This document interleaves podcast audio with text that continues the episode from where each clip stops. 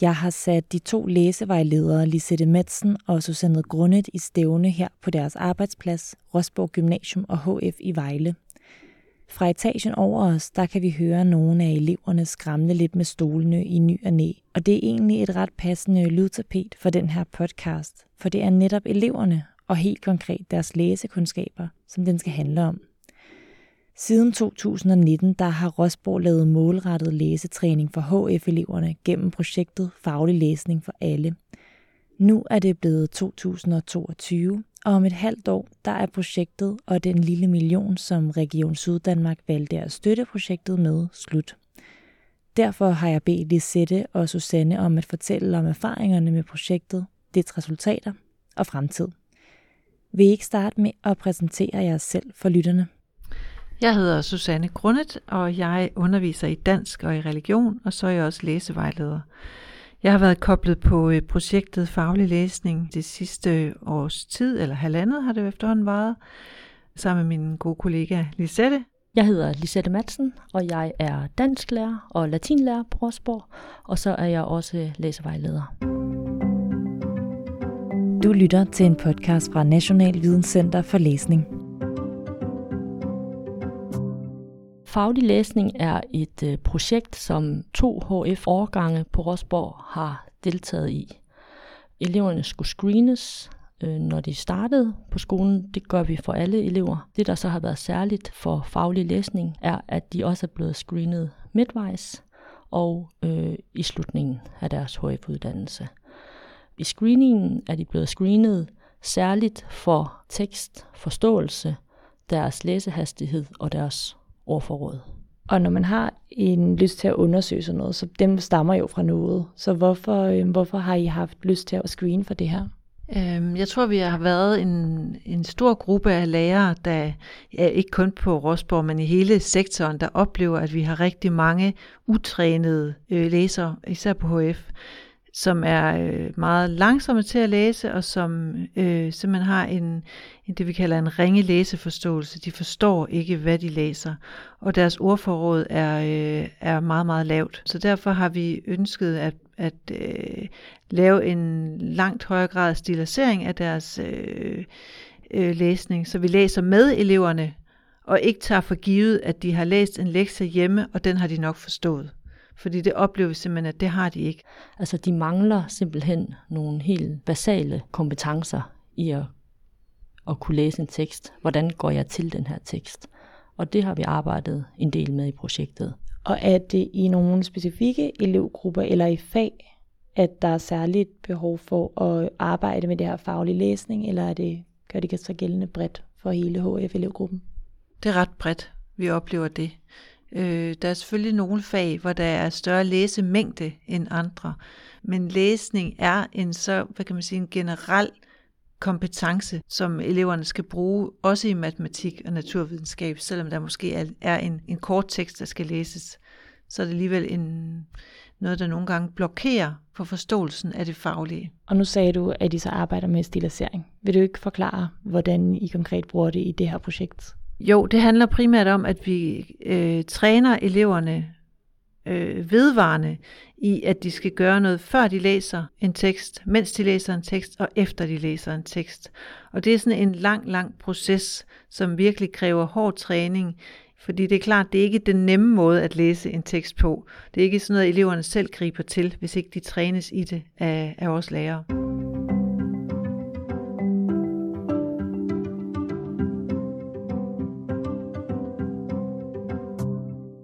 Hvilke redskaber er det, eleverne lærer i forhold til de her forskellige faser? Altså vi ville som udgangspunkt rigtig gerne give dem øh, nogle værktøjer til at kunne gå til en tekst. Der har vi arbejdet med at bruge begreberne før, under og efter læsning, så de bliver bevidste om, at man gør noget, før man læser, mens man læser og efter man har læst en tekst. Det har også været tanken, at vi øh, ved at gentage det i alle fag, kunne få skabt en vane hos eleverne, så de til sidst øh, ville begynde at gøre det af sig selv. Og kan du blive mere konkret i forhold til, hvad for nogle redskaber der er i de forskellige faser? Øhm, ja, vi startede projektet med at, at udvikle sådan, eller lave nogle skabeloner til eleverne.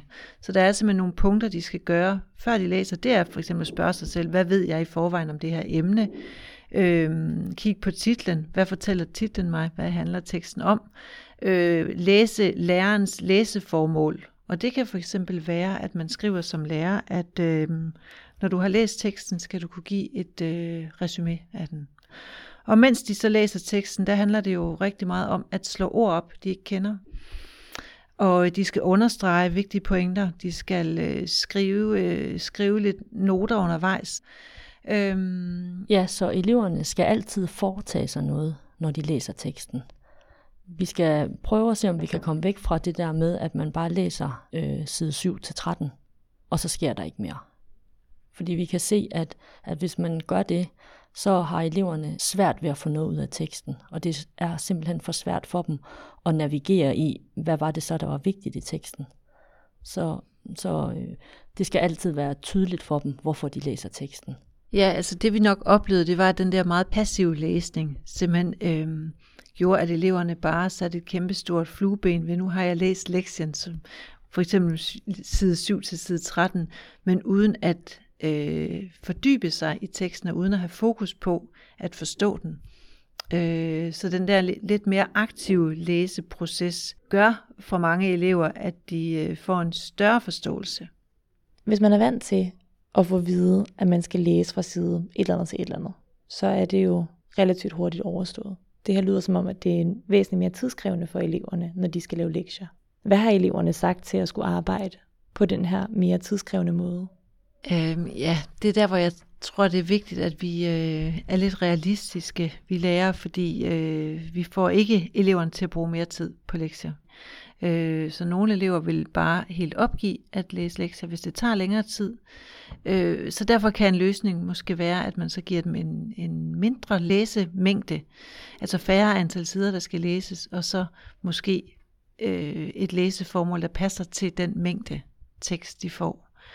Øh, og så læser man måske videre i timen, eller man læser slet ikke lektier og læser det kun i timen. Så man har mange moduler, hvor man simpelthen ikke giver lektier for. Og, og i stedet for arbejder med de her læsefaser i timen, så øh, eleverne hele tiden har læreren ved sin, sin side og kan spørge, øh, spørge om et ord, for eksempel, eller et fagbegreb, eller noget af den stil. Så vi læser sammen.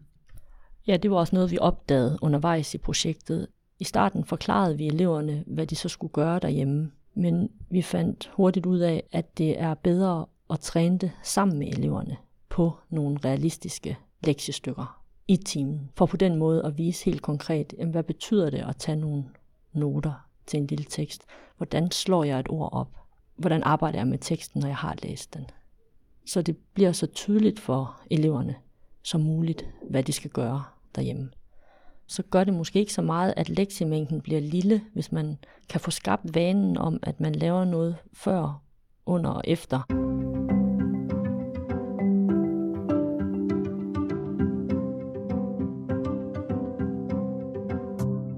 Nu Rosborg har altså læsevejledere som jer, hvorfor er det så også faglærerne, der skal ind og arbejde med det? det øh, handler netop om den pointe, som Lisette nævnte tidligere, at det skal trænes, det her. Det er ikke nok bare at høre om, hvordan man skal læse. Og det er jo lærerne, der er der i modulerne med eleverne, det, så derfor er det, at den her læsning, der sker i, i timen, øh, skal være sammen med øh, læreren og eleverne. Hvordan har lærergruppen taget imod det? Der er nok nogle fag, som tydeligere har kunne se behovet end andre fag. Altså det har jo været der, hvor projektet har hjulpet rigtig meget, fordi vi har fået en fælles forståelse af det på skolen og et fælles sprog om det her med at læse. Vi kan se, at altså ud fra vores evalueringer, vi har både evalueret med eleverne, men også med lærerne, der kan vi jo se, at der har været en tendens til, altså i den tid, vi har arbejdet med det, at lærerne øh, har engageret sig mere og mere i projektet. Når vi spørger lærerne, så kan vi jo se en meget tydelig udvikling, hvor der i maj 2020 var 36 procent af lærerne på HF, der, der sådan læser højt for eleverne i modulerne, til at der i maj 2021 er 71 procent. Så det er jo en meget, meget tydelig udvikling fra 36 til 71 procent af lærerne. Og det samme, når vi kigger på, hvor mange lærere, der giver lektier for med et læseformål, så var det 57 procent i 2020, hvor det er 88 procent i 2021. Hvordan har det så påvirket elevgruppen? Altså vi kan se, at øh, andelen af elever, der øh, læser med en læsehastighed under 180 ord i minuttet, er gået fra, at det i starten af projektet var 42 procent af eleverne, til at det så til sidst var 16 procent af eleverne. Og øh, andelen af elever med et meget lavt ordforråd er også gået fra 49% til 25%. Så det er nok sådan de to steder, hvor det er tydeligt sådan at mærke. Men vi ved jo selvfølgelig ikke, hvordan det ville være gået, hvis vi ikke havde lavet det her projekt. Øh, så så øh, når vi kigger på deres forbedring i læsehastighed, øh, for eksempel så ordforråd, øh, hvad skyldes så at de har taget en ungdomsuddannelse, og hvad skyldes, at vi har haft øh, det her projekt kørende. Det er svært at vide øh, fordi vi jo forudsætter, at eleverne generelt ved at tage en ungdomsuddannelse bliver bedre læsere. Det må man jo formode.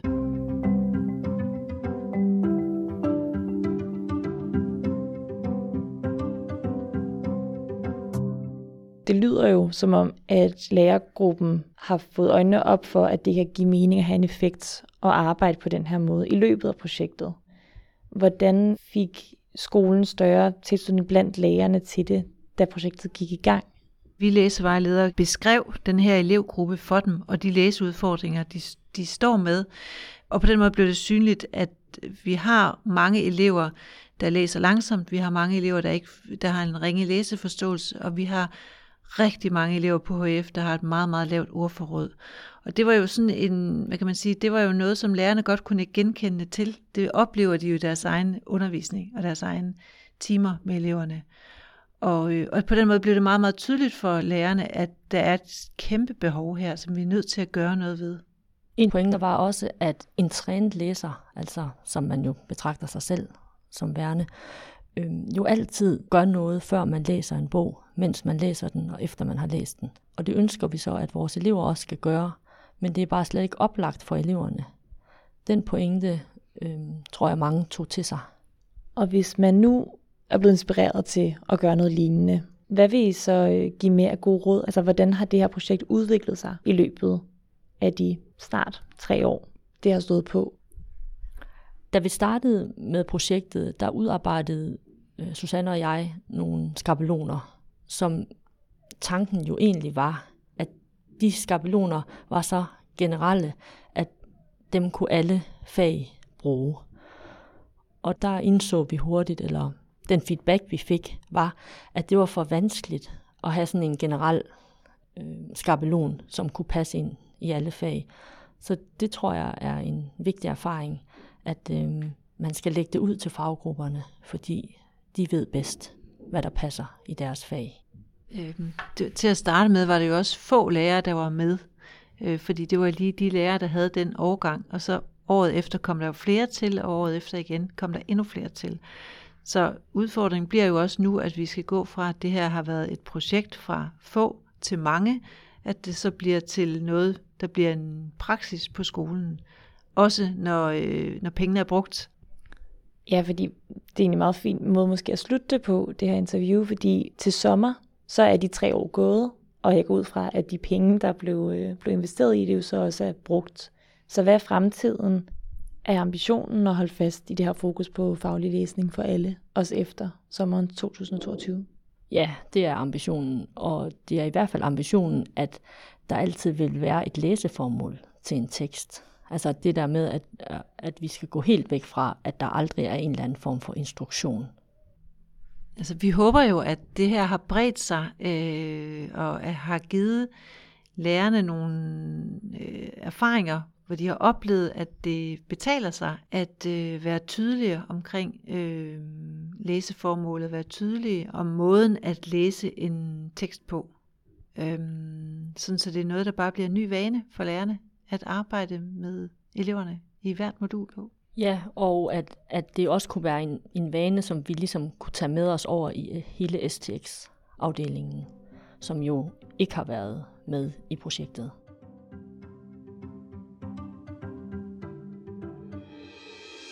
Du har lyttet til en podcast fra National Videnscenter for Læsning. Denne podcast er tilrettelagt og produceret af mig, Anne Laura Hedegaard, og er blevet til med støtte fra Børne- og Undervisningsministeriets udlodningsmidler. Og jinglen, den er med musik af Mark Hatter. Tak fordi du lyttede med.